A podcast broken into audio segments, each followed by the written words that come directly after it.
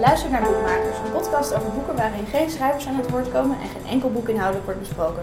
Wij praten met alle andere mensen die betrokken zijn bij het maken ervan. Ik ben Shanna. En ik ben Tessel. En vandaag praten we met Eveline Aanekerk, directeur van stichting CPMB.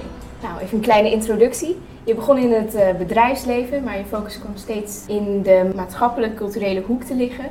Je was uh, elf jaar directeur-bestuurder van Dance for Life. En in 2018 werd je directeur van de CPMB. Overigens de eerste vrouwelijke, moeten we misschien toch even zeggen, ik weet het niet. Naast je werk als uh, directeur van de CPMB, oftewel collectieve propaganda van het Nederlandse boek, ben je ook nog lid van de Raad van Toezicht van Cinekit. Jink, de kleine comedie, lid van de Raad van Advies van Renew the Boek en bestuurslid van de Best Verzorgde Boeken. Wow. Dat zo goed samen? ja, en, en, ik heb ook nog een man en twee kinderen. Ook nog? Dus soms Kijk, denk ja. ik ook van, oh god. ik heb tijd van, nou, nee, dankjewel voor deze introductie. Ja, nou, Leuk. welkom. Ja, dank. Leuk om met Ja. jullie te praten. Jazeker. Ja, we gaan straks uitgebreid hebben over je werk bij het CPMB en wat het CPMB doet. Maar eerst beginnen we altijd met de vraag, wat lees jij nu? Ja. ja, ik lees eigenlijk altijd verschillende dingen door elkaar. Eh, dus ik ben nu eh, bezig met Modern Verlangen van Hannah Barefoot, een nieuwe verhalenbundel. Geweldig, kan ik iedereen aanraden. En Mijn Lieve Gunsteling heb ik bijna uit. Ah, Ook echt fantastisch. En Shugi Been heb ik nu liggen. Daar kan ik niet wachten om aan te beginnen. En ik ben, ben helemaal gefascineerd door alles wat ik erover gelezen en gezien en gehoord heb van eh, het boek eh, Daniel. Van die Belgische journalist. Eh, ik Ik hoorde heb bij gemist. Zee. Die hebben Oh, we echt. Het is van, ehm, van de bij. Oh, ik, nou goed, laat maar. Maar die, die wil ik eigenlijk gaan kopen dit weekend. Nou, dit heb ik helemaal gewist. ja. Ja. Ja, dat gaat over, het is waar gebeurd en het is dus een familiegeschiedenis van hem. Oh, maar dat is echt heel stom dat ik nu. Chris, Christus, Christus Tropper he- heet hij. Ik ken hem eigenlijk helemaal niet. En hij is dus journalist, maar hij heeft dus eh, een boek geschreven over eh, een oude man. Dus het is echt gebeurd die op zijn boerderij overvallen wordt. Een afschuwelijk verhaal. Ja. En hij gaat dan helemaal die rechtszaak en ook eh, met die daders gaat hij praten. En het schijnt een fantastisch indrukwekkend eh, Ah. boek te zijn. Een portret ook van die man die uiteindelijk eh, vermoord is. Nou goed, die dus. Nou, we gaan het opzoeken. ja. Ja. Wij hadden met eh, onze leesclub ook Mijn Lieve Gunsteling gelezen. En toen waren de meningen wel erg verdeeld. Wat, Hier intern ook. We hadden het er laatst ook over. Ja. Waarom waren de meningen verdeeld bij jullie? Nou ja, Ja. ik ben niet verder gekomen dan vier hoofdstukken. En toen dacht ik, nou, dit is me te naar voor dit moment. Ik ga Oh ja. Ja. En ik vond het op zich wel goed. Ik vond het wel heel goed geschreven, maar ook heel, heel onprettig. Ik dacht, eh, het, waarom, waarom doe ik me dit, zelf dit aan? zo. Oh ja. Aan Ja, de andere ja. kant is het ook wel weer een verdienste van het boek, als je dat... ja, want het is eigenlijk ook een, een, ja, het- het is ook een oprechte liefdesgeschiedenis. Van een liefde die natuurlijk niet kan. Ja. En het is, eh, maar ik vind het dus zo knap hoe zij, hoe, hoe Marieke Lucas iets wat, nou ja, eigenlijk heel verwerpelijk is, zo mooi en, en bloemrijk op kan schrijven. Ja. Dat je ook echt in die man zijn huid en hoedanigheid kruipt. Ja, ik, ik, ik heb dat dus helemaal niet. Oh ja. Nee. Ja. Ja, ik, vond, ja, ik kwam Nou niet verder dan... Ik, ik vond het ook best wel... Ik, vond, ja, ik, ik voelde de, de, de mooie schoonheid van de liefde of zo niet zo. Ik dacht alleen maar, wat ben jij voor enge man of zo. Ja, maar dat Ook vind omdat je natuurlijk perspectief- ook, hè? Ja, maar ook omdat je het perspectief van dat meisje niet Nee, kent. nee. Eh, en ook wel signalen krijgt dat zij het eigenlijk helemaal niet zo eh, ziet zitten allemaal, als het Nee, fysiek klopt. wordt. Dus dan kon ik moeilijk me er over de... overheen zetten. Overheen zetten. Oh ja. Ja, en ik, ik voelde juist heel erg zijn worsteling van... Ja, dit kan natuurlijk ook niet wat ik doe, maar hij kon zichzelf niet stoppen. Ja. Ja. Ja, en ik hou ontzettend van haar stijl. Weet je, een hoofdstuk eh, en aan het eind van een hoofdstuk komt de punt achter de Ja. zin. Ja, ik vind het zo Ja. knap. Ja ik, ja, ik vind het een soort golf waar je op staat. Ja, dat snap boek. ik wel. dan Dat had ik ook wel. laat je je zo... Ja, ja, Ja. over het algemeen was iedereen wel positief, toch? Ook, Ja. ook al was de, het onderwerp niet heel Nou prettig. ik, ik weet maar... dat ik het opensloeg en dacht van, oh jee, er zijn geen alinea's en geen punten. Wat wordt dit? En ik heb het wel best wel snel en wel gewoon met plezier uitgelezen. Inderdaad, dat gevoel van je zit er zo'n beetje in zo'n soort golf. Ja, dat heb ik wel ook. Dat heb Ja, ik dat wel. vind ik heel knap. Ja. Hoe bepaal jij wat je leest? Waar ik zin in heb. Waar je zin in hebt? Ja, ik. ehm, nou, zoals dat boek Daniel, dat is wel tot me gekomen doordat ik. eh, Nou, wij Brommer op Zee en ik, ik zat een YouTube-filmpje te kijken van een Belgisch interview. Maar ja, wij, wij- ik zit natuurlijk met mijn neus op, dat is leuk. Eh, minder nog dan jullie, denk ik. Maar ja, ik, ik, Nou, of juist meer Ja. vanuit een overzichtsperspectief. ja, ik ben natuurlijk, ik, eh, ik hoef niet bang te zijn dat ik vreemd ga qua lezen als je, als je buiten je uitgever gaat. Maar nee, ja, dus waar ik zin in heb, eh, hoe mijn pet staat. En eh, ik moet wel zeggen, dat is heel gek, maar sinds ik, ik, ik heb nog nooit zo weinig gelezen als de- sinds ik in het boekenvak werk. Oh, En dat vind ik echt heel, eigenlijk heel, heel irritant. Ja. Maar het- en ik was altijd toevallig, waar vrienden bij ons van die dinsdagavond of woensdagavond die zeiden, nou je leest natuurlijk, niet." zei ik nou gek genoeg. En ik vind, ik schaam me daar bijna een beetje voor dat ik dus minder lees, omdat het, eh, soms heb ik gewoon even geen zin meer in boeken, weet je, Ja. je de hele dag mee bezig bent Ja. en dat vind ik dan zo zonde. En eh, ook door, want ik ben natuurlijk het gros van mijn tijd als directeur bij de CPB is tijdens corona geweest. Ja. Dus het was ook, mijn hoofd zit dan ook zo vol. ja. Ja. En eh, ja, ik moet, daar, ik moet daar een modus weer in vinden. Dus dat vind ik eigenlijk best wel erg. Ja. Dat, eh, dat ik gewoon voor mijn doen vrij weinig lees. Ja. Ja. Ja, soms gaat het zo. Ik bedoel, ik heb ook tijdens mijn literatuurstudie heb ik zoveel minder gelezen dan daarvoor en daarna. Dat, Ja, je Ja, moet er soms is hè? Ja. Ja. En je moet er ook gewoon denk ik ruimte voor hebben. Als, je het, als ik het heel druk heb, is dat ook een van de eerste dingen die Ja. sneuvelt. En als ik weer meer tijd heb, dan eh, lees ik... eh, Maar eigenlijk word je juist rustig, hè? Dan krijg je rust in je Ja. hoofd. Ja. En dat weet ik Ja. allemaal wel. Maar toch denk ik dan... Oh, ik ga wel even Netflixen. En dat is zo... Ik had laatst een hele gave podcast van... ehm eh, clipping en... Nou, kennen jullie hem? Dat ging dus Nee, over... Een podcast over media? Ja. Over hoe tips... Ja, ja, precies. Hij, ja, ja. Dat was nou twee keer bij ons op diner. Maar over hoe je tips om veel te lezen. En eh het was zo gaaf om te luisteren. Oh, dit we ja, gaan heel Ja, eventjes, we zitten denk ik. op de overtoom. ja, met z'n alle ramen open. Ja. Ja. Het is hier heel benauwd. Ja, het is, ik, ik, ik merk ook heel erg dat, of tenminste, ik denk dan wel van ja, ik kan dat proberen, maar ik merk toch ook dat het gewoon, ja, dat het wel weer komt of zo als ik er meer ruimte voor heb en dat het dan vanzelf wel weer. Het komt altijd Gaat. weer terug. Ja, zo, sowieso. Dat is ook Ja. En waarschijnlijk is minder weinig lezen nog steeds best wel veel lezen als ik hoor, ik heb nu deze drie boeken. Ja. ja, nee, dat is ook zo. Maar toch, weet je, ik geloof heel erg in een vast leesmoment op een dag. Mhm.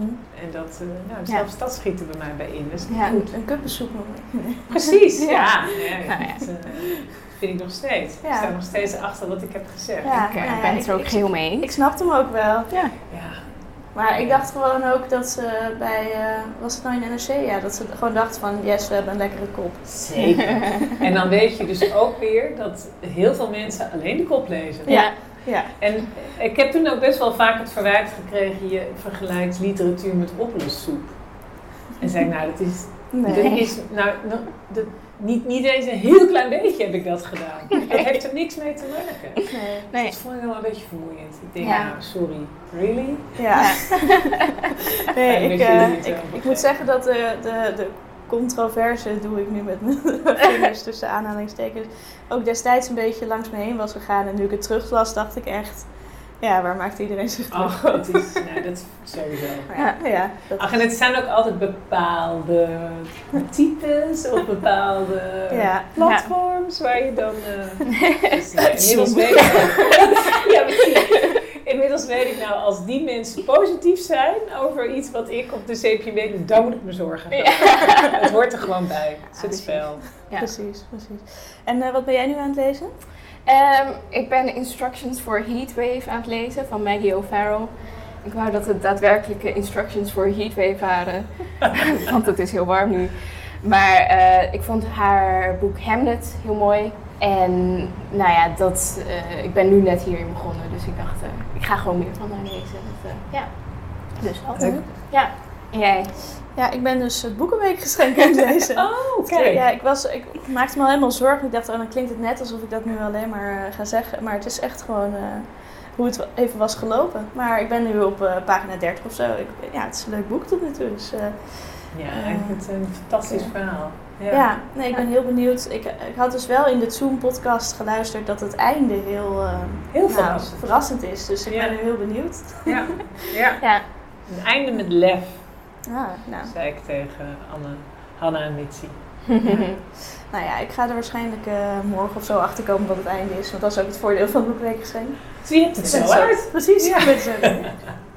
Ehm, nou, het is misschien wel een mooi bruggetje naar het gaan hebben over de inhoud of wat, ja, over het CPNB.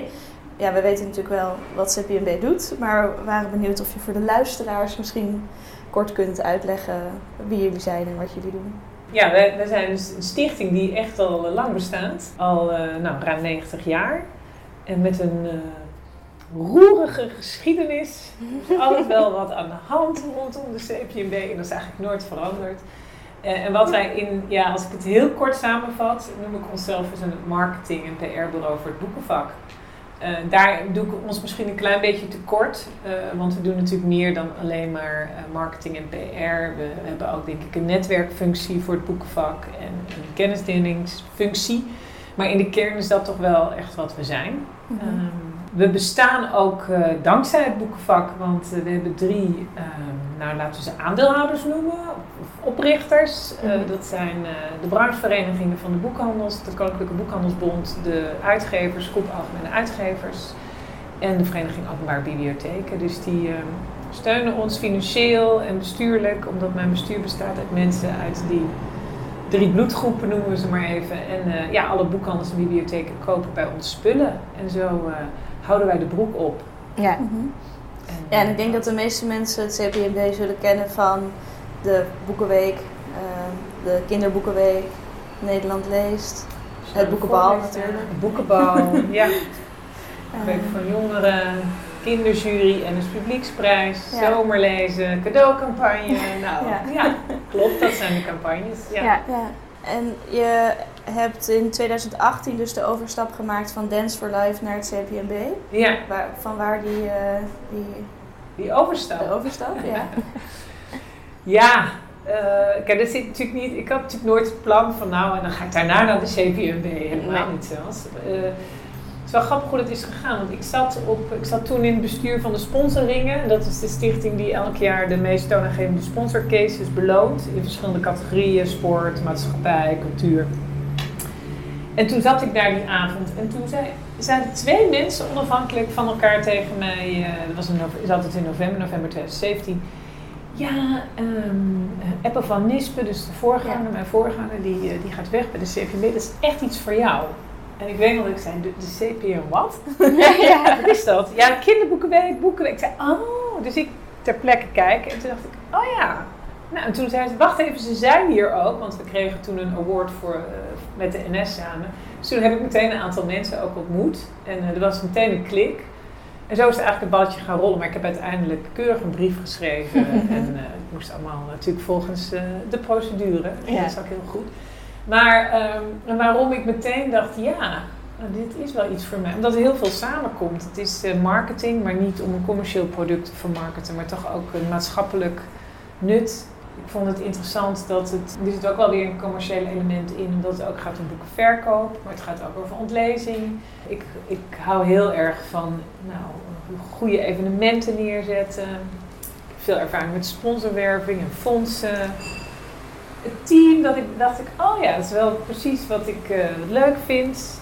Deze grote, jonge mensen, allemaal heel intrinsiek gemotiveerd op de missie van de stichting. Mhm. Nou, dus ik dacht, nou, dit is wel iets voor mij, kom maar op. Ja. En wat ik me realiseerde toen ik begonnen was, dat ik dacht, ja, er zit eigenlijk ook wel heel veel overlap tussen ehm, eh, eigenlijk de twee missies. Want bij Dance for Life ging het heel erg over, ehm, nou, het ging over seksuele rechten en, en gezondheid voor jongeren. Maar eigenlijk ging het in de kern heel erg over, kun jij je grenzen stellen? Durf je ja of juist nee te zeggen? Hoe doe je dat eigenlijk? Het ging heel erg over ja, empowerment, was allemaal in het Engels. Ja. En daar is taal ontzettend belangrijk in. Want als jij niet talig bent en je, je wat je voelt en wilt niet goed onder woorden kunt brengen, ben je dus heel kwetsbaar. Ja. Dat hebben we ook echt gezien. Eh, dus toen dacht ik, oh wacht even, het is in heel erg in datzelfde domein als je het gaat om ons, ons leesbevorderende stuk dan. Daarom is het zo belangrijk dat jongeren talig blijven. Want het brengt ze gewoon echt letterlijk verder. Het houdt ze gezonder, het houdt ze gelukkiger, het creëert kansen. Dus in de kern eh, gaat het, eh, gaat het toch ook weer Ja. over gelijkheid. En, Ja. eh, nou, dat, dat vond ik ook alweer heel mooi. En wat maakte dan dat, die, dat andere mensen, denk je, tegen je zeiden, dit is echt iets voor jou? Nou, misschien wel om de reden die ik net allemaal noemde. Ja. Nou, ze hebben ook wel gezegd van je bent wel eens een boegbeeldtype. En, ja, dan heb ik ook. Ik heb er heel lang een, een, soort geheim van gemaakt. Dat ik dacht, oh, ik vind het zo leuk om op het podium te staan, maar het mag niet. Weet je, zo'n zo ding. Dat vind ik leuk. Ja. ja. En ik vind het leuk om, uh, om ergens voor te staan en dat uit te dragen. En nou, en dat, uh, dat is ook een belangrijk onderdeel van, uh, van wat de CPB is en doet. Dus um, dat heb ik ook wel terug. Van ja, je bent wel een goed gezicht voor, niet letterlijk, maar ja. als woordvoerder. Nou, dus ik denk de combinatie ja. van dat alles. Ja. En ik hou van heel erg van lezen. Ik bedoel, ja, nee, ik bedoel, anders zou het ook niet zo ver zijn gekomen nee, natuurlijk. Dat, uh, maar ik bedoel, ik was even benieuwd of het nou, deels daarop gebaseerd was. Of dat het ook, nou ja, dat wisten die mensen allemaal niet. Hè? Oh, Want okay, de, ja, daar ja, zit je in zo'n bestuur en ik zat zo bij Dance Live, daar heb je het niet over boeken daar. Weet je? Nee. Dus dat hadden we helemaal niet eens. Dat wisten zij niet eens hoe dat zat bij mij. Dus wel grappig. Het ging eigenlijk om andere dingen, denk ik. Ja. Ja, zo is het gekomen. Zo is het gekomen. En toen ben je stage gaan lopen bij allerlei verschillende spelers in het boekenvak. Ja, ja, dat klopt. Ja, dat was heel in het begin. Ja, een stage, dat, uh, want dat, dat, dat was het idee, noemen, maar ja. wat ik er altijd merkte, is, dan kwam ik ergens en ging eigenlijk van koffie drinken. Ja. ik heb wel boeken ingepakt, maar al heel snel bleek met al die mooie vouwen, ja. dat, dat, dat, daar moet je toch echt wel wat langer dan een paar uurtjes voor oefenen. Maar uh, nee, ik vond het heel interessant ook om te snappen hoe, hoe de processen lopen. Hè? En uh, hoe dat nou gaat als je in een boekhandel staat hoe je boeken bestelt, hoe ze tot je komen, dat je ze ook weer retour kan ja. sturen, hoe het zit met de nou, verdienmodellen, marges. Ja, ik dacht het is toch wel goed om dat te snappen voordat ik uh, nou ja, hier echt vol aan de slag ga. Dus ja. dat was heel leuk. Ja. ja. Waar ben je allemaal geweest? Uh, nou, ik ben de, de, echt een hele dag meelopen heb ik bij Los gedaan. In, uh, in Bussen, kwam Los. En ja, ik ben denk ik bij alle uitgeverijen geweest ik heb bij Atlas Contact ook echt allerlei vergaderingen meegemaakt. Ja. Uh, dat was heel leuk. Ik ben bij veel bibliotheken geweest. Niet zozeer echt om mee te draaien trouwens, maar ook wel echt uh, rondlopen, dingen snappen. Dus het waren eigenlijk meer rondleidingen, als ja. ik heel eerlijk ben. Uh, ja, ik was benieuwd of er hele onverwachte dingen waren die je tegenkwam of hebt geleerd tijdens die rondleidingen. Stages. Onverwachte dingen. Even kijken. Nou, wat, wat ik wel echt heel, uh, wat ik me niet had gerealiseerd, dat was vooral toen ik bij de bibliotheek uh, rondliep. Hoeveel procent van hun verzorgingsgebied, en dan was ik, ik was, was bijvoorbeeld in, in Venlo waar ik was, dat ruim 20 procent van de, het verzorgingsgebied van de bibliotheek dus echt laaggeletterd is. Dus, dus tegen ja, echt analfabeet aan. Mm. En dat hoorde ik bij meer bibliotheken. Dat ik, ah, echt, dat heb ik me nooit gerealiseerd. Hoe groot dat issue in Nederland is. Ja. ja.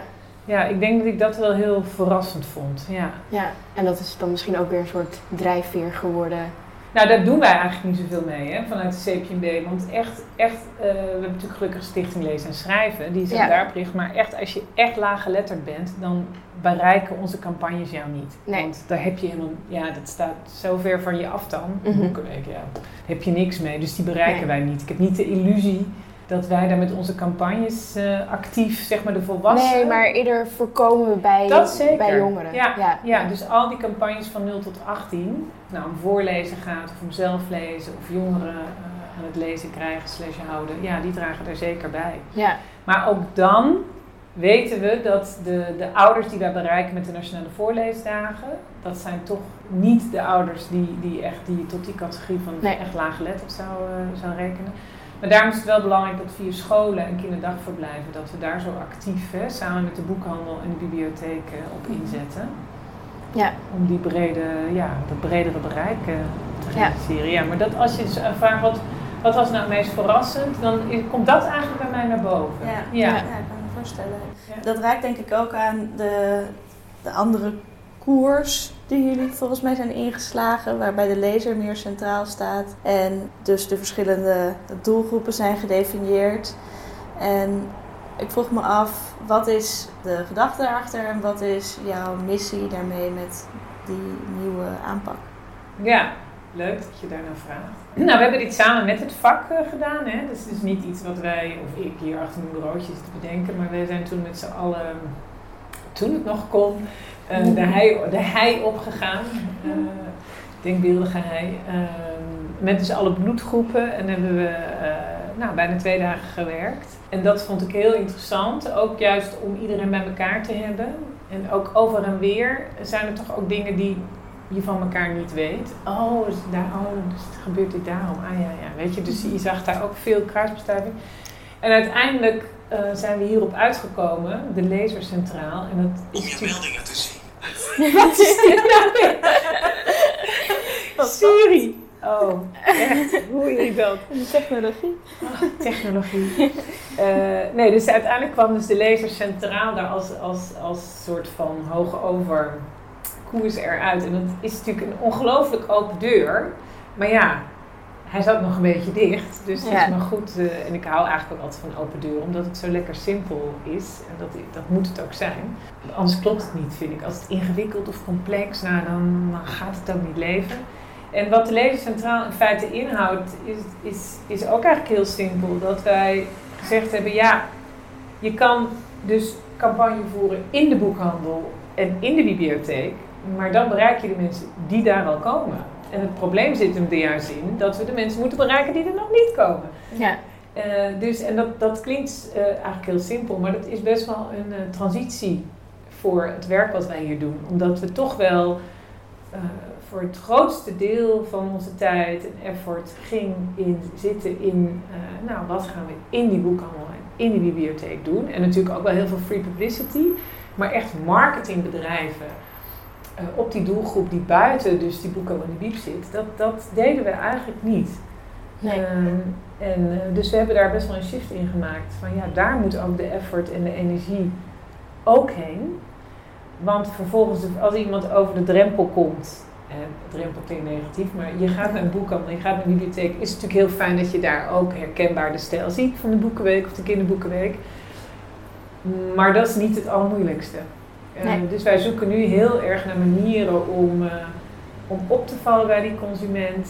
Eh, ik noem het maar even consument, slash lezer. Eh, dus we kijken naar marketing partnerships eh, of media partnerships.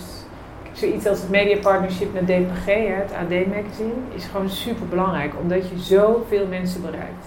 De reden dat wij met McDonald's zijn gaan samenwerken, wat natuurlijk heel controversieel is, dat snap ik. Maar ik dacht, ja, maar ja, je bereikt nu een groep eh, met het boek en lezen die je anders echt niet zo Nee. makkelijk bereikt. Ja. En dat zijn aantallen waar je u tegen zegt. Ja. NS idem, dat gaan we nu ook veel meer insteken. Eh, ze hebben nu een dedicated nieuwsbrief voor hun reizigers over boeken en lezen. Ja, dat zijn dingen, dat kun je nooit kopen, dat bereik. Nee. En allemaal met één doel. Zorgen dat ze naar die boekhandel in de bibliotheek gaan. Ja. De stadsgeluiden blijven. De Harley Davidson scheurt hier net Ja. voorbij. En is er dan ook nog een soort grens? Want ik kan me inderdaad wel voorstellen dat mensen over de, de McDonald's daar gemengde gevoelens bij hebben. Eh, zijn er ook bedrijven waar jullie principieel niet mee zouden willen samenwerken? Of, eh, of is Ja, het... natuurlijk. Dat, maar dat is, eh, we gaan natuurlijk nooit met Marlboro of zo een campagne doen. Of met, zee- met ki- kijk, we, willen helemaal uit die kindermarketing blijven. Hè? Dus we hebben ook nooit kinderen gezegd, ga naar de McDonald's. Dat, Nee. Daar zijn we altijd buiten gebleven. Het ging er juist om dat als je naar de McDonald's gaat, dat je dan met boeken en lezen eh, nou ja, ge- geïnspireerd raakt. Dat we, Ja. dat we daar die, die content aanbieden. Ehm, maar nee, eh, wapenhandel of weet ik veel. wat voor fa- nooit dat met dure de aangelegenheid. Als hij 9 miljoen aan jullie wil geven, dan hoeven jullie het ook niet te hebben. Nou, oh, dat... Nee. Nee. Nee, maar dat zijn natuurlijk inderdaad... We hebben ook heel lang gesproken over dat hele McDonald's verhaal. En we Ja. wisten ook, het gaat controversieel worden. Maar Ja. soms moet je dat ook eens doen om Ja. op te vallen. En, Zijn eh, men- maar wat, eh, wa- waren er veel reacties op? Of eh, iedereen was eh afgesproken? Ja, ik heb geloof ik in... Ik heb zelf in twee eh radioshows gezeten met eh, eh, voedingsdeskundigen. Terwijl ik ook zei, ja...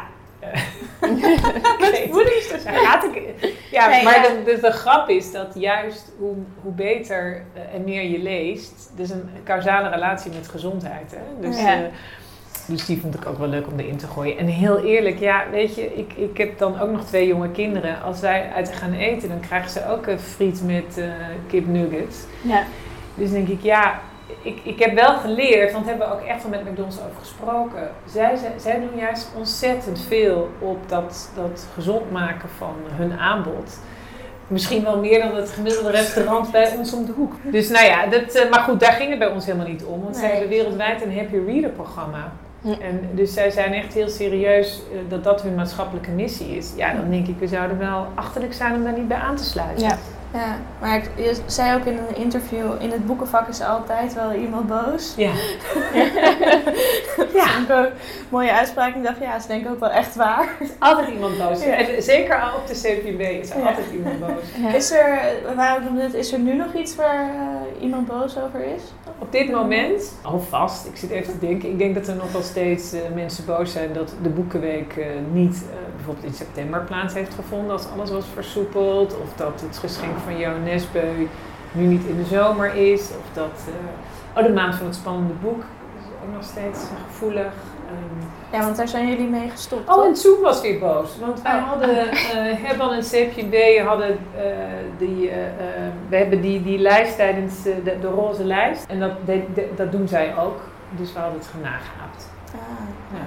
Nou, ik kan ook zeggen. Oh, wat goed dat Meer- er meer aandacht is. Ja, graag. Ja, Ja. Ja. maar goed, het hoort, er, het hoort erbij. Ja. Ja. ja, ik dacht dat je geen zoen meer las. ja. Oh nee, nee die krijg ik dan, door, Ze uithalen. die krijg ik dan weer doorgestuurd van mijn ontzettend goede persvoorlichter. Toch weten we Dan het kan ik het niet nalaten. Ja, nee, Ja. precies. Misschien raakt dit ook wel aan waar we het. Waar, we hadden het met Annette Scheermeijer van Bol.com gehad. Zij zei ook wa- waarom ze het boekenvak leuk en interessant vond. En toen zei ze iets over ook dat het een mooi product is. Eh, en toen zei ik zo van, oh ja, dat, ja dat, mag, dat mag je toch niet zeggen, die indruk. Oh, het woord product. Ja, dat het, dat het Oh ja. een commercieel product, dat het niet... Een, eh, en toen viel ons op dat je in een interview ook zei van... Ja, waarom mensen vinden altijd dat marketingwetten die in andere sectoren werken... Dat hier, die hier dan, dat is dan vies en dat kan dan niet. En dat het alleen maar moet gaan om de literatuur met een eh, hoofdletter. Dus ik was wel benieuwd wa- wat je ervan denkt. Hoe, hoe kunnen we daar op een andere manier mee bezig zijn? Of denk je dat dat gewoon inherent is aan het boekvak? Dat iedereen alleen maar vanuit idealisme er naar wil kijken en niet vanuit... Ik denk dat dat ook heel erg scheelt. Eh, Als je het eh, eh, boekenvak gaat ontleden, heb je natuurlijk je hebt commerciële uitgevers, literaire uitgevers, je hebt commerciële auteurs, niet-commerciële auteurs, je hebt boekhandels die juist heel erg ondernemend commercieel zijn en boekhandels juist veel meer vanuit het liefhebber idee erin zitten. Dus ik denk dat het, dit zal altijd blijven, omdat het zo divers is. Iedereen eh, mag daar ook zijn, zijn eigen gevoel en intuïtie op volgen. Alleen wij zijn er voor iedereen. Ja. En dat maakt het zo lastig. Dus ehm, wij moeten ook echt nou, heel goed zorgen dat wij al die, die, die stemmen vertegenwoordigen. Dus als het. Ja, ik weet toen, toen André Kuipers het, het de prentenboek voor de kinderboekenweek maakte, toen was natuurlijk de ene helft eh, boos. Want ja, nou ja, eh, is André Kuipers de beste eh, kinderboekenauteur? Nou, vast niet. Maar het was wel heel fijn voor de boekhandel. Want er kwamen heel veel mensen op af. En ik weet ook als hij dan een lezing gaf met Natasja, wat trouwens een fantastische illustratrice is, in de bibliotheek, zaten er wel mooi 700 kinderen. Ja, En wat voor ons dus belangrijk is, is dat we daarin gewoon een goede balans houden. Het ene jaar dit, het andere jaar dat. Eh, de ene campagne veel commerciëler, de andere juist niet. En zo proberen we dat toch wel een beetje ja, te middelen. Maar ik, ik zeg altijd, ja, de CPND is er voor, eh, voor alle boeken, voor alle lezers, voor alle kanalen. Het maakt Ja. ons niet uit wat je leest, hoe je leest en waar je het koopt. Ja. ja, Als je maar boeken koopt, leent en leest. Ja. Dat, dat is echt, en daar probeer ik iedere keer weer aan vast te houden. Want anders word je helemaal gek als je hier werkt. Want dan kun je het, no- ja, dan kun je het nooit goed doen. Weet je, als je je daardoor laat leiden, ja. ja, dan eh, heb je in min van tijd een burn-out. Of je gaat alleen maar hele middelmatige dingen doen. ja, heel erg vlak. Van, Ja. Oh ja, dat kan niemand stom vinden. Ja, want dan, dan ga je ook je doel voorbij. Ja.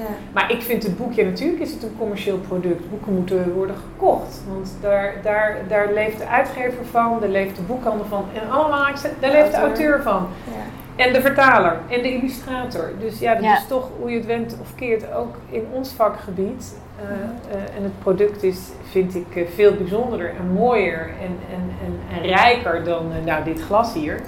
Maar ook in ons vakgebied gaat het erom dat het wel verkocht wordt. En zijn er dan ook marketingwetten waarvan je denkt die zouden we nog veel meer kunnen Ja. toepassen? Alle. alle. Nee, alle. Toen ik hier kwam hadden wij geen online marketing. Dat hadden, wat hadden we niet. Ja, we hadden wel iemand die eh, social media deed en eh, we maakten denk ik wel eens wat banners. Maar echt het wegzetten van campagnes online en goed inkopen, en, en dat deden we helemaal niet. We hebben nu drie, eh, drie mensen daarop zitten en die hebben het hartstikke druk.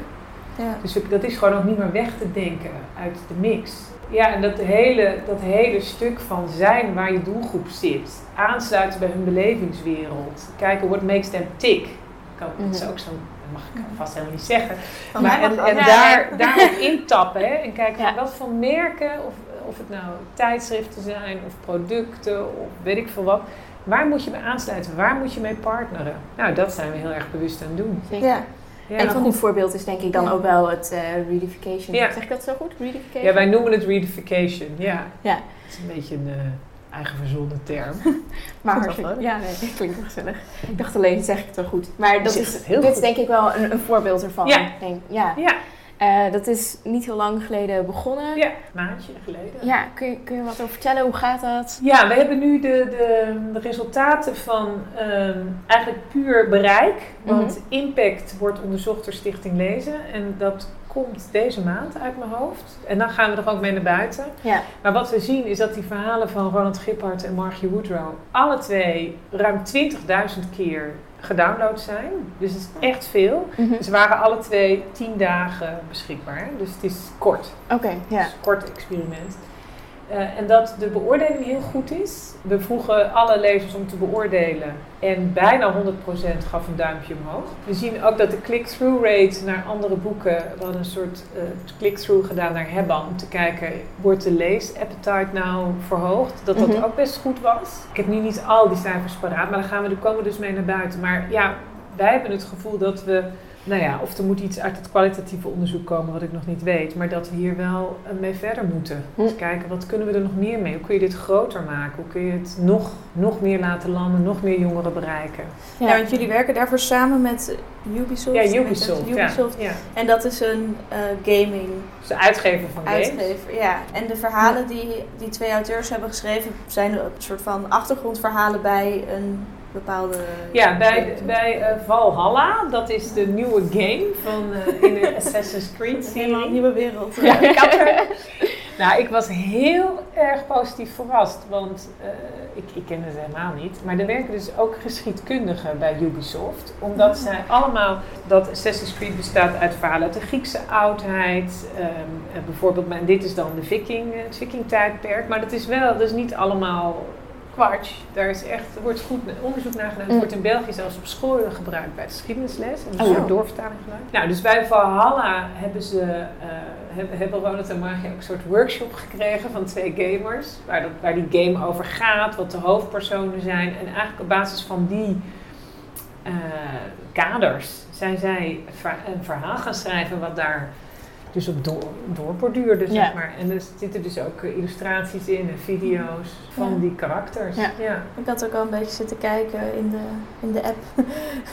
Ja, want het is dus verkrijgbaar via de Ubisoft app. app. Die iedereen gaat, gratis kan downloaden, zodat je ook niet gedwongen wordt om eerst die game aan te schaffen. Ja. Want dan zou het natuurlijk een soort promotiemiddel van dat game Ja. zijn. En dat wilden, willen we niet. Ja. En we wilden ook, wilden ook echt dat het heel inclusief zou zijn. Dus ook jongeren die niet toegang hebben tot een eh, dure console of wat dan ook, dat die ook gewoon dit kunnen doen. Ja, dus eh, daarom zijn we op die app terechtgekomen. Ja. En hoe wisten mensen dan dat dat op die app zat? Werd er vanuit de game wel naar verwezen? Of? Ja, we hebben, we hebben nu in deze pilot nog niet heel veel rugbaarheid gegeven. We hebben er niet heel veel marketingbudget tegen aangegooid, omdat we eerst willen zien, doet dit wat? Eh, dus zijn ze uitgezet echt via de mensen, er zitten, zaten sowieso al heel veel mensen in die app. En volgens mij is dat eigenlijk het voornaamste wat we gedaan hebben. Ja. En nu gaan we dus op basis van de resultaten kijken, hoe kunnen we dit nou wel groter lanceren? Andere campagnes die natuurlijk afgelopen jaar waren, waren de Ik lees thuis en Ja. ook een boek campagne. Ja.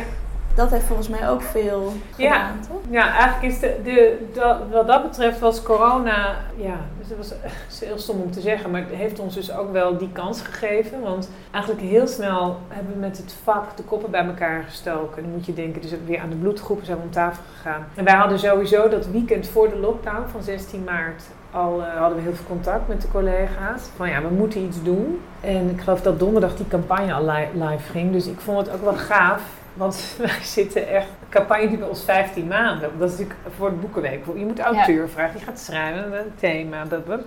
En eh, om een keer korte klappen, snel iets neerzetten, gaf voor ons ook best wel fijne energie. Ja. Maar het is wel, was wel heel anders werken. En wat ik heel fijn vond, is dat met het vak echt, nou ja, in mum van tijd hadden we de handen op elkaar. Iedereen deed mee. Er was ook wel wat geld beschikbaar gesteld. Ja, en wat je ziet is dat, dat ik lees thuis, ehm, als je, want dat hebben we echt ook op gedragsniveau onderzocht. Gaan we sowieso voor alle campagnes doen.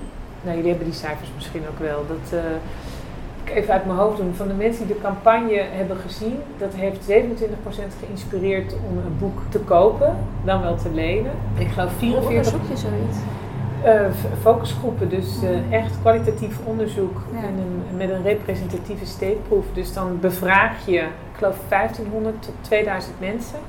Met een onderzoeksbureau doen we dat. En die, die, die selecteer je zo dat je ook mensen, die, sommigen hebben de campagne gezien, anderen niet. Sommigen lezen al heel veel, anderen niet. In alle delen van Nederland. Leeftijd was wel 18 plus.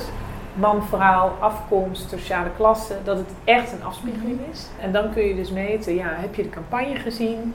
Ja. Nou, heeft de campagne je aangezet tot lezen? Ja, zei 44% op mijn hoofd. Heeft de campagne je aangezet tot kopen? Ja, zei 27%. Dus uiteindelijk, als je het helemaal ontrafelt, hebben we 900.000 Nederlanders geïnspireerd Hm. eh, om te gaan lezen. Ja, dat is gewoon gaaf. En Ja. is, ik vind het ook belangrijk dat we dit soort dingen... Ik bedoel, het kost geld, zo'n onderzoek. Ook niet de, de wereld hoor, maar dat bu- budgetteren we dus nu wel mee. Want Ja. ik vind dat we dit voor al onze campagnes moeten weten. Wat is Ja. het effect van wat we doen op gedrag? Voorheen meten we vooral hoeveel boekhandels, bibliotheken doen er mee. Wat vinden zij van de campagne? Ja. Welk cijfer geven ze de campagne? Is ook belangrijk. Maar heel eerlijk, het is veel belangrijker wat, een, wat het doet op die consument. Lezer centraal. Precies. Ja. Dat is ook een uitwerking ervan. Ja. Ja, en steun je boekhandel was natuurlijk misschien voor het vak nog zichtbaarder en succesvoller. Ja, en Ja, dat, hele eh, Instagram stond er toen vol mee. Ja. ja, dat was wel echt, vond ik ook wel weer heel gaaf hoor, om dat eh, weer mee te maken. En, eh, en dat heeft natuurlijk ook best veel gedaan. Maar dat was ook zo'n voorbeeld dat er ook best wel veel mensen zijn die zeggen, ja, wat heeft het voor zin? Want een verdubbeling van nul is nog steeds nul. En Ja. ja, ja ik kreeg ook wat verwijt dat we dan te positief waren over eh, ons eigen werk. Maar goed, ik, ik denk dat, ja, ik vond ja, het het is beter om iets te proberen dan gewoon eh, te gaan Ja. zitten wachten, toch? Ja. Zeker. Ja, en ik denk ook dat dat is ook sowieso mijn stijl. Maar ik denk ook dat we dat als boekenvak met z'n allen ook gewoon meer moeten omarmen. Je moet af en toe gewoon eens wat proberen. Ja, en soms lukt het niet. Ja. Nou, prima. Nou, ja, en ik denk ook dat dat gewoon dat dan toegeven van, nou, we hebben het geprobeerd, we weten dat het niet werkt, we weten nu dat het niet werkt, dan gaan we nu weer iets anders proberen. Dat is ook heel Dat waardevol. ook- Ja. ja. ja, want wij waren ook wel benieuwd of je misschien een analyse hebt over waarom het dus eh, de boekenlobby niet gelukt is om eh, de boekhandel open te houden. Of de, in ieder geval als afhaalloket. Want je zag dat in buurlanden, toen alles dichtging, dat de boekhandel wel nog de status had van op zijn minst afhaalloket of gewoon essentiële winkel. Ja. Ja. En toen is er ook best wel moeite gedaan vanuit het Nederlandse boekenvak. Maar ja, zonder succes. Ja. Nou, ik weet in ieder geval dat er heel erg hard aan getrokken is. Ja, Ja, dus eh, echt al die, al die organisaties, KWB, de Gauw, maar ook auteurs. Ah, weet je, iedereen heeft dit natuurlijk geprobeerd. Ja. In gezonde brieven. Waarom is het niet gelukt? Ja, je zou het eigenlijk degene moeten vragen die hierover gaan. namelijk... eh, Ik kan ook Ja. een dvd'tje opzetten. ja, ik Ja. denk toch ook dat het te maken heeft met het, eh, leesklimaat in Nederland. Dat, eh, ja, als je, maar bijvoorbeeld als je kijkt in Duitsland, eh, is literatuur, onderwijs en, en is het dus veel meer onderdeel van de landscultuur. hè. Een Duitser koopt gemiddeld 4,7 boeken geloof ik per jaar. Oh, Mm, wow, dat is veel. want En ja, een Nederlander dat is 2, ongeveer 2,3. zoveel. Ja. Ja. Nederland is denk ik wat dat betreft toch, toch eh, niet echt een boekenland of geen leesland. Dat, dat denk ik dan. Of niet meer. Of niet. Nou, in de jaren 80 was het nog lager. Toen kochten we Oh, oké. 1,8 boeken gemiddeld per persoon. Dus Oh, ja. het is ook weer niet zo. Toen werd er wel veel meer uitgeleend bij de BIEB. Dus dat kan ermee te maken hebben. Nou ja, als we, we hebben natuurlijk eh, een minister die dan zegt... Ja, theaters ook. Je kan toch ook een dvd'tje Ja. opzetten? Ja. Nou, dat says it all, toch? Ja, dan weet je het wel. Ja. Ja, dan heeft corona toch weer die, aan de andere kant ook weer die positieve kant dat mensen toch wel wat meer zijn gaan lezen. Ja. Denk, je, Ja. denk je dat mensen het vol gaan houden nu er weer versoepeld wordt? Nou, ik heb ergens, maar misschien is hier de wens de vader van de gedachte, maar ik heb ergens het gevoel dat er een herwaardering is voor het boek. En ook een herwaardering voor lokaal kopen. Dus niet alleen de boekhandel hoor, maar Ja, zeker nee. ook bij de boeken. Ja. Blijft dat zo? Ja, ik, ik vraag me gewoon ook sowieso af hoe, wat, er, ja, wat er gaat gebeuren. Eh, nou, vanavond eh, gaan we natuurlijk horen dat we helemaal weer los mogen. Ja. Ja. Maar ik zag al vanochtend alweer berichten van voor- en tegenstanders. En eh, je mag een mondkapje af als je wel anderhalve meter afstand kan houden. Ja, dan denk ik, oh Ja. my god, dit snapt natuurlijk niemand. Nee. Er is helemaal niks. Ja, ja, ik hoop het. Maar ik durf mijn hand niet voor in het vuur te Nee. steken, laat ik het zo zeggen. Nee. Ja. Wij gaan er in ieder geval alles aan doen. Precies, absoluut. Precies. Ja. Nou ja, waar, een van die campagnes waarmee jullie er alles aan doen om mensen te laten lezen is dus de Boekenweek. Vaste prik, eh, ieder jaar. Dit jaar op een eh, ander moment dan gebruikelijk. En we waren heel erg nieuwsgierig eigenlijk hoe, eh, hoe werkt dat eigenlijk met, met de Boekenweek en het Boekenweekgeschenk. Dat is natuurlijk een belangrijk onderdeel daarvan. Ja. Hoe kiezen jullie wie de auteurs Ja. worden? Ja. Is dat een eh, geheim, geheim beraad? Ja, want, nou, het is, dus, ja, het is geheim beraad, ja, eigenlijk. Want het is dus niet iets wat we met... dat kan namelijk niet. Nee. eh, met het vak of zo gaan. Want ja, Ja. dan weet ik natuurlijk al wat elke uitgever die natuurlijk zegt. Of, eh, dus dat, dat kun je, die Nee. verantwoordelijkheid kan je daar ook helemaal niet neerleggen. Dat wordt dan heel ingewikkeld. Ik vraag wel regelmatig aan boekhandelaren dan. Ja. Wie zou, wie zou wat jou betreft een goede zijn? Gewoon om eens even te horen wat er leeft, welke namen er dan opkomen. Maar wij, eh, wij, wij doen dat hier intern met het team. We hebben een programmeur die eh, de volwassen boeken eh, doet, zeg maar. En die komt met een voorstel. En, maar we hebben het er nu al over. We, we, Ja, we hadden, we hebben eigenlijk er continu over. Van hé, hey, die zou misschien ook wel eens geschikt zijn. Oh, die vind ik leuk. En we zoeken, ja, dus we kijken heel erg naar eh, ook daar de balans. Eh, nou, man-vrouw is natuurlijk extreem belangrijk. Nee, dat vind ik echt belangrijk. Niet Ja. alleen maar door die ruil toen. Maar Nee. ik, vind ik. Jong, oud, soort auteur, ehm, afkomst. Weet je, dat het echt gewoon divers is. In Ja. alle opzichten divers. Ja, want ik denk een- ook dat Hannah Barefoots bij het eh, grotere publiek ook een stuk minder bekend is dan eh, Jan Siebeling. bijvoorbeeld. Ja, Dus dat is wat dat betreft natuurlijk ook weer een andere Afweging. Ja. Ja. Zeker, ja. En daarin eh, maak je elk jaar weer een keuze. Dus de, de, de, het, het team, de twee auteurs die nu voor 2020, 2022 sorry, gevraagd zijn, eh, ja, dat zijn weer hele andere auteurs. Ja. Ja. Ja. Zeggen mensen wel eens nee?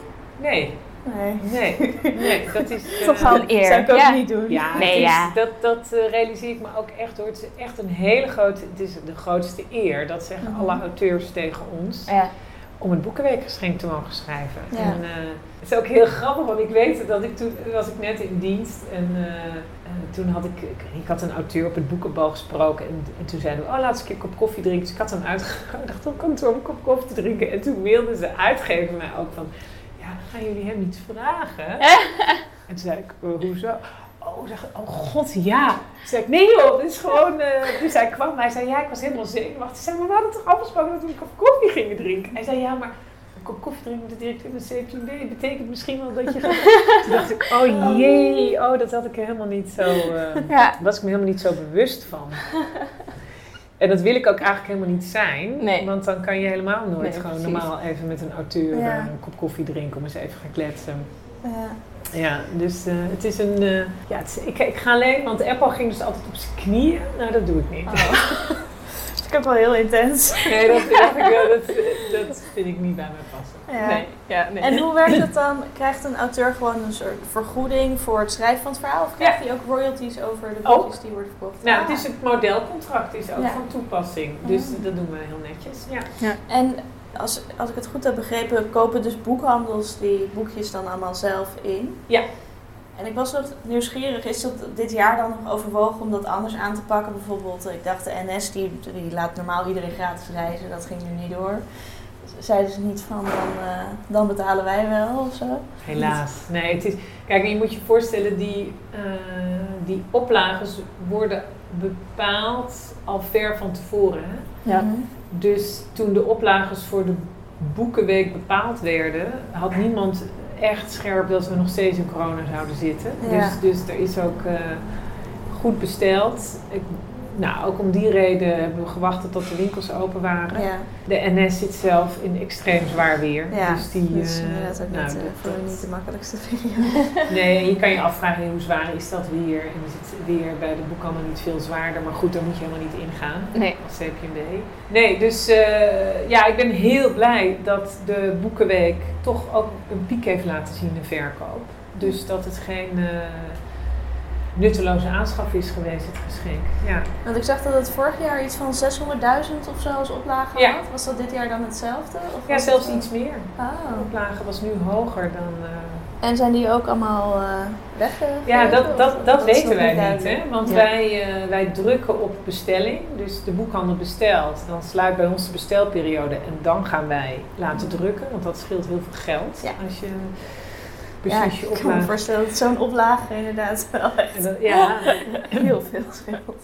ja, dus de inkoopprijs is ook... eh, de, je hebt het niet eh, over heel veel geld. Ja, nou ja, dat is voor mij makkelijk om te zeggen. Maar Ja. ja, en dan... Ja. Ja. sorry. Jouw vraag, zijn ze allemaal uitgegeven? Ja, dat weet ik dus niet. Want ze Ah, worden dan... misschien komen er signalen uit de boekhandels dat het wel of niet. Of, eh, Nee, dat, dat, dat krijgen we eigenlijk nooit. We weten nooit hoeveel. We maken niet een inventarisatie hoeveel heb je er nog over. Nee. Maar ze mochten de hele maand juni, dus nu nog steeds, uitgereikt worden.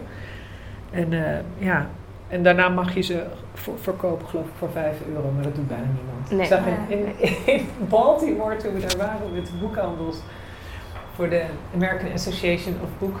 Nou, bookkeepers, hoe noemen ze het? Nou, was, eh, toen zagen we ergens in een, eh, in een winkel zagen we een boekenweek geschenkt van een aantal jaar geleden voor 5 dollar staan. Oh. Bij de Foreign Literature. Grappig.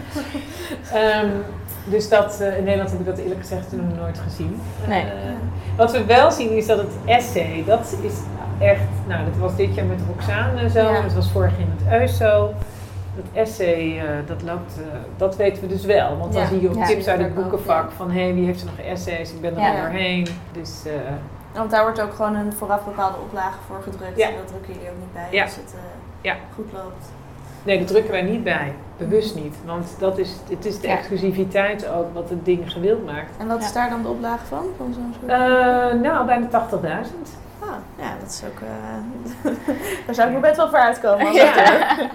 En we dat, is, dat is ook een van onze snelst stijgende producten, als ik het dan zo mag Mhm. zeggen. Want ja, dat, doen we natuurlijk nog niet eh, zo lang als het Boekenweek geschenk. En we, ja, een paar jaar geleden was het nog 35.000. Dus Ja. daar zit een enorme stijging in. Nou ja, Roxane van Yper is ook wel een goede, denk ik, wat dat betreft. Ook met de populariteit van het Hoge Nest. Dat Het was toen maar vroeger, was dat nog helemaal... Oh. Was het Hogenest ook al wel populair, maar niet, dat is niet te vergelijken met wat het nu is. Ook natuurlijk door, ja, door de 4 mei-lezing. Dat was Mhm. natuurlijk Ja. ook een, ja, dat wisten we ook niet. En Verfilming. gaan. En De verfilming publieksprijs. en dus publieksprijs. Maar ook dat Ja. ze toch best wel een graag geziene gast is op, op tv. Ze is natuurlijk columniste, dus haar ster is zeer reizende en Ja, ik terecht. vind haar heel cool. Ja, ik ook. Het is fantastisch. Ja. ja, nou en sowieso, ik vond het dit jaar ook echt. Ik vond het sowieso heel leuk dat we twee vrouwen, dat is ook voor het Mhm. eerst, maar twee zulke stoere vrouwen. eh, Ja. En zo scherp en in, zo actueel alle twee. Ja. Met wat ze schrijven en hoe ze kijken naar wat er gaande is. Ja, ik vond het ongelooflijk inspirerend. Ja. Ja. En er was natuurlijk ook nog een gedicht. Ja, Babs. Ja, is idem. Die kan je heel goed, want die moet ik zeker niet vergeten. Want het- met z'n drieën. Ja, Bab Ja. Schons hebben we het Ja. over. Ja, Babs Schond, Ja. ja. Ook een fantastisch dichter, Ja, performer ook. Ja. En, eh, met z'n drieën, ik vond het ook mooi team. Ja. een beetje Charlie's Angels. Ja. Ja. Ik wel, als ze dan met een mooie, ze hadden alle drie ook zo'n heel stoer pak aan. Toen Ja. we die avond van het boekenbal, Ja. hebben die uitzending met de vooravond gedaan. Soms we met z'n drieën, zo, ja het is echt, ik was ook zo trots. Ik vond het zo gaaf. Ja. Ja. Leuk. Ja. Ja, het was echt een mooie line-up als je het zo kunt zeggen. Ja. En hebben jullie nog het idee, ik dacht dat er dus ook altijd een groep was die kwam alleen maar kwam om gratis te mogen reizen met de trein. Maar ja, daar kon je natuurlijk nooit achter of die nu zijn Ik weggebleven. heb daar weinig Dat het- over teruggehoord, dat daar gedoe over is geweest of wat dan ook. Ik weet nog, toen eh, bij de opening van, van de Boekenweek in Purmerend met de minister werd ik geïnterviewd door Gerry Eikhoff van de NOS. En Gerry begon er meteen over. Oh. En toen zei ik, ja, zei die belachelijk in mijn reis. Zei ik, ja, maar het is toch logisch? Je kan Ja. toch nu niet met 250.000 man op Ja. zondag in de trein gaan? Toen zei hij, nou, dat gaat het volk niet leuk vinden. Ik zei, ja, ja. Dus ik dacht, oh nee, nou wordt dit natuurlijk het item het. Maar Mensen zijn er ergens boos over. Maar ik dacht, ja, ik, ja, god, ja, dat snapt iedereen toch? Eh, Ja, het lijkt mij ook logisch dat je in een tijd... Dat nou, inmiddels is het niet meer alleen maar noodzakelijk reizen, maar nog steeds wel van... Goh, hè, voor mij drukte dat je dan niet zegt... Ga allemaal op dag, één dag tegelijkertijd Ja. in, de, in de trein zitten. Nee, dus dat was ook best wel een afweging van, ja, wat gaan we dan doen? En uiteindelijk hebben we dus het cadeautje van die Ja. 20. eh, en dat wordt, dus- ik heb nu niet de laatste cijfers paraat, maar in de boekenweek zelf was het al na twee dagen, waar er iets van 40.000 was het al een keer waar, waar de boeken al eh, bekeken, gedownload. Dus het Oh ja. het was wel veel. Ja, want eh, mensen kunnen dus de het hele geschiedenis in, als e-book. Ja, de alle hele geschiedenis 20. van de boekenweek, eh. Laatste boekenweek van de laatste 20 jaar, omdat Ja. het partnership 20 jaar is, kunnen ze gratis downloaden. Dus als je nog geen eh, boekenweekgeschenk Als hebt. je ze ooit gemist hebt. Ja. Ja, precies. Ja, en je moet dus, als ik het goed heb, ik heb het zelfs nog niet geprobeerd, want ik heb natuurlijk al die geschenken thuis staan, jee. Eh, moet je de eerste zin van het ja, geschenk... moet het eerste woord of zo. Of eerste, ja, dus je ja. moet wel het boekenweekgeschenk hebben. Ah, ja. Ja, hè? Ja. Of mensen moeten het... Ja, dat doen mensen toch niet? Dat ze het dan aan elkaar gaan vertellen? Want- Nee, nee, nee. zo zijn mensen niet. Absoluut niet. Nederlanders al helemaal niet natuurlijk. Ja. Ja, in het verlengde van het Boekenweek was er dus altijd het boekenbal. Dat kon dit jaar natuurlijk ook niet in zijn gebruikelijke vorm eh, doorgang vinden. Maar Nee. we hadden dus eh, in ons eerste seizoen altijd een rubriekje waarin we mensen vroegen... Wat is jouw meest memorabele boekenbalherinnering? Ik ben er dus nog nooit geweest. Dat is Oh. m- mijn grote droom.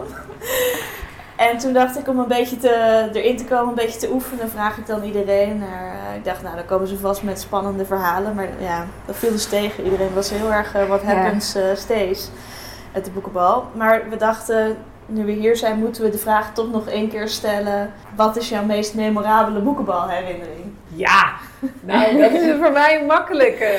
Hele misschien dat ik en vreemde jongen. Ja, ja, ja. Ik dacht ook al, misschien weet ik het antwoord ook. Ja. Ja, dat eh, vond ik vrij memorabel. Ja. Eh, nu kan ik erom lachen. Dat moment, in, het moment natuurlijk niet. Nee. Ja. Eh, maar ja, dat was natuurlijk wel vrij. Want wat was er gebeurd?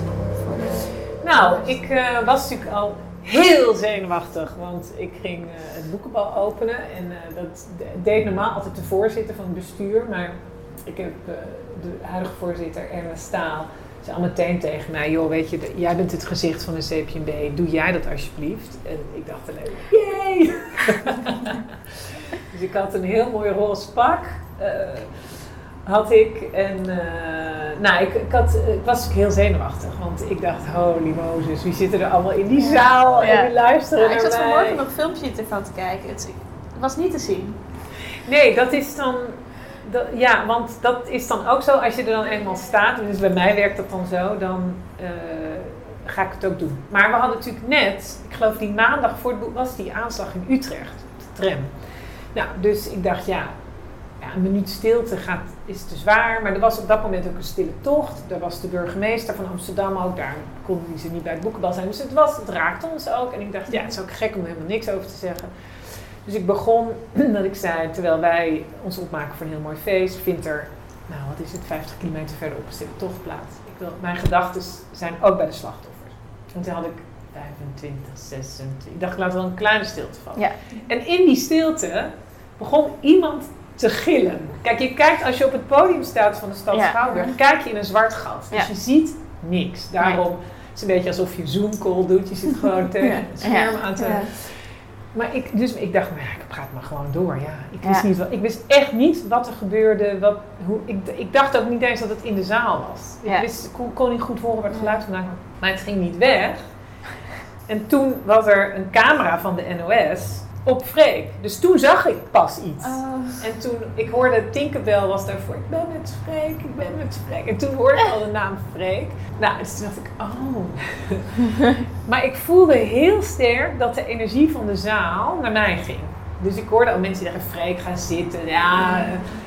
En dat gaf mij heel, ik weet niet, ik, ik, ik voelde daar heel veel energie door. Ik kon de- op die Hm. energie een beetje gaan. En ineens dacht ik, hé, hey, maar mijn speech gaat hierover. Dus toen, want ik had die speech natuurlijk honderdduizend keer geoefend. Dus toen kon ik hem pakken, die speech weer terugpakken.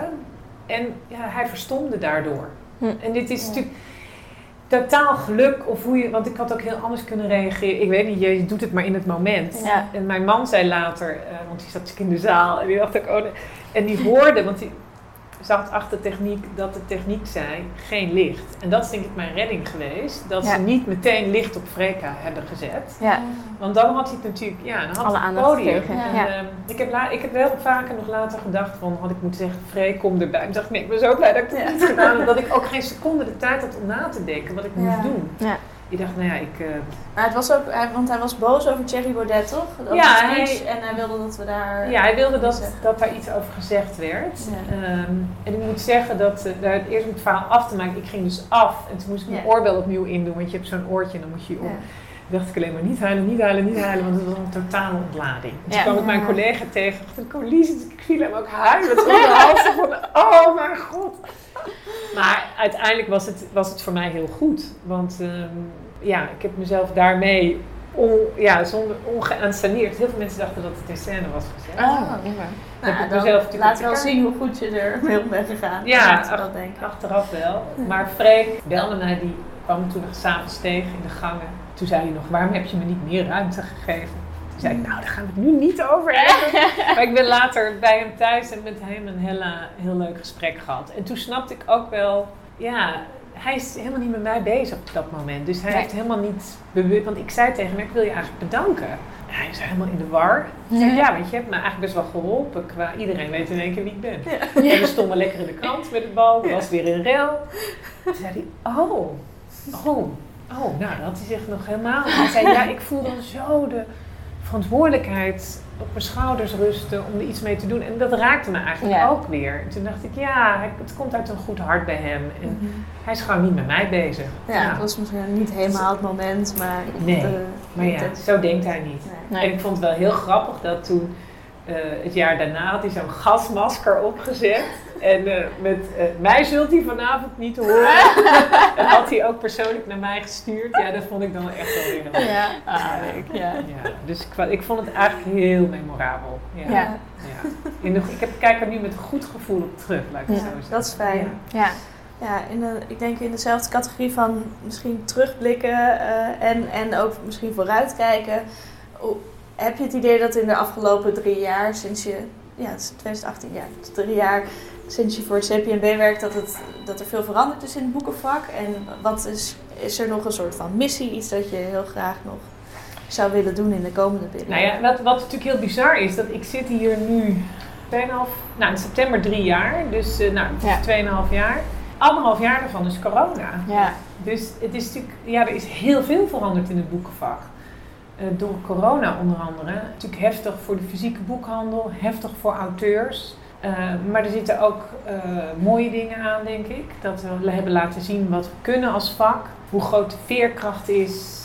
Hoe belangrijk ook de collectiviteit is. Als je dingen samen doet. Is geen enkele sector die, denk ik, zoals wij dat hebben gedaan als boekenvak, op een positieve manier campagne hebben gevoerd. En dat had, ik bedoel, wij hebben het wel uitgerold, maar we hebben dat, hadden dat nooit kunnen doen zonder het vak. Hm. Dus ik vind dat echt een verdienste van het hele vak. Ja, en ik denk wat er ook veranderd is, is de- zeker dat eh, de fysieke boekhandel natuurlijk ook versneld een aantal dingen geregeld heeft. Hè. Dan bedoel ik vooral ook online presence en ehm, de systemen daarachter, en Ja. de, de flow en hoe dat gaat. En, ja, dus is wel blijvend iets veranderd in het boekenvak. Ja. Ja.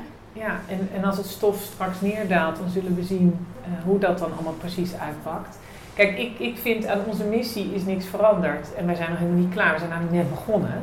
Eh, dus ik, eh, ik, ik wil dit alleen maar verder doorzetten. We hebben natuurlijk Hebban eh, overgenomen sinds begin dit jaar. Nou, dat vind ik ongelooflijk fijn. Nou, er, zijn, er zijn, is ook niet iedereen het mee eens natuurlijk. maar wij hebben ineens een platform Ja. waar een miljoen lezers elke maand komen. En sinds Hebban onderdeel is van de CPB, is, gaat dat sky high eh, door het dak. Dus wij hebben ineens een etalage erbij, waar we nog meer mensen kunnen inspireren, waar we interactie met mensen hebben met maar één doel, doorverwijzen naar de boekhandel, dan wel de biep. En dat besef, dat heeft nog niet iedereen. Mensen, men- heel veel mensen zien Hebban, boekenvakkers, eh, boekhandels, bibliotheken als een bedreiging. Nou, dat is niet zo. Omarmen, laten we er Ja. nou allemaal het voordeel, eh, een voordeel van maken. En dat, eh, Waarom is het dan een bedreiging? Want het is toch... Alleen maar promotie van het lezen. Ja.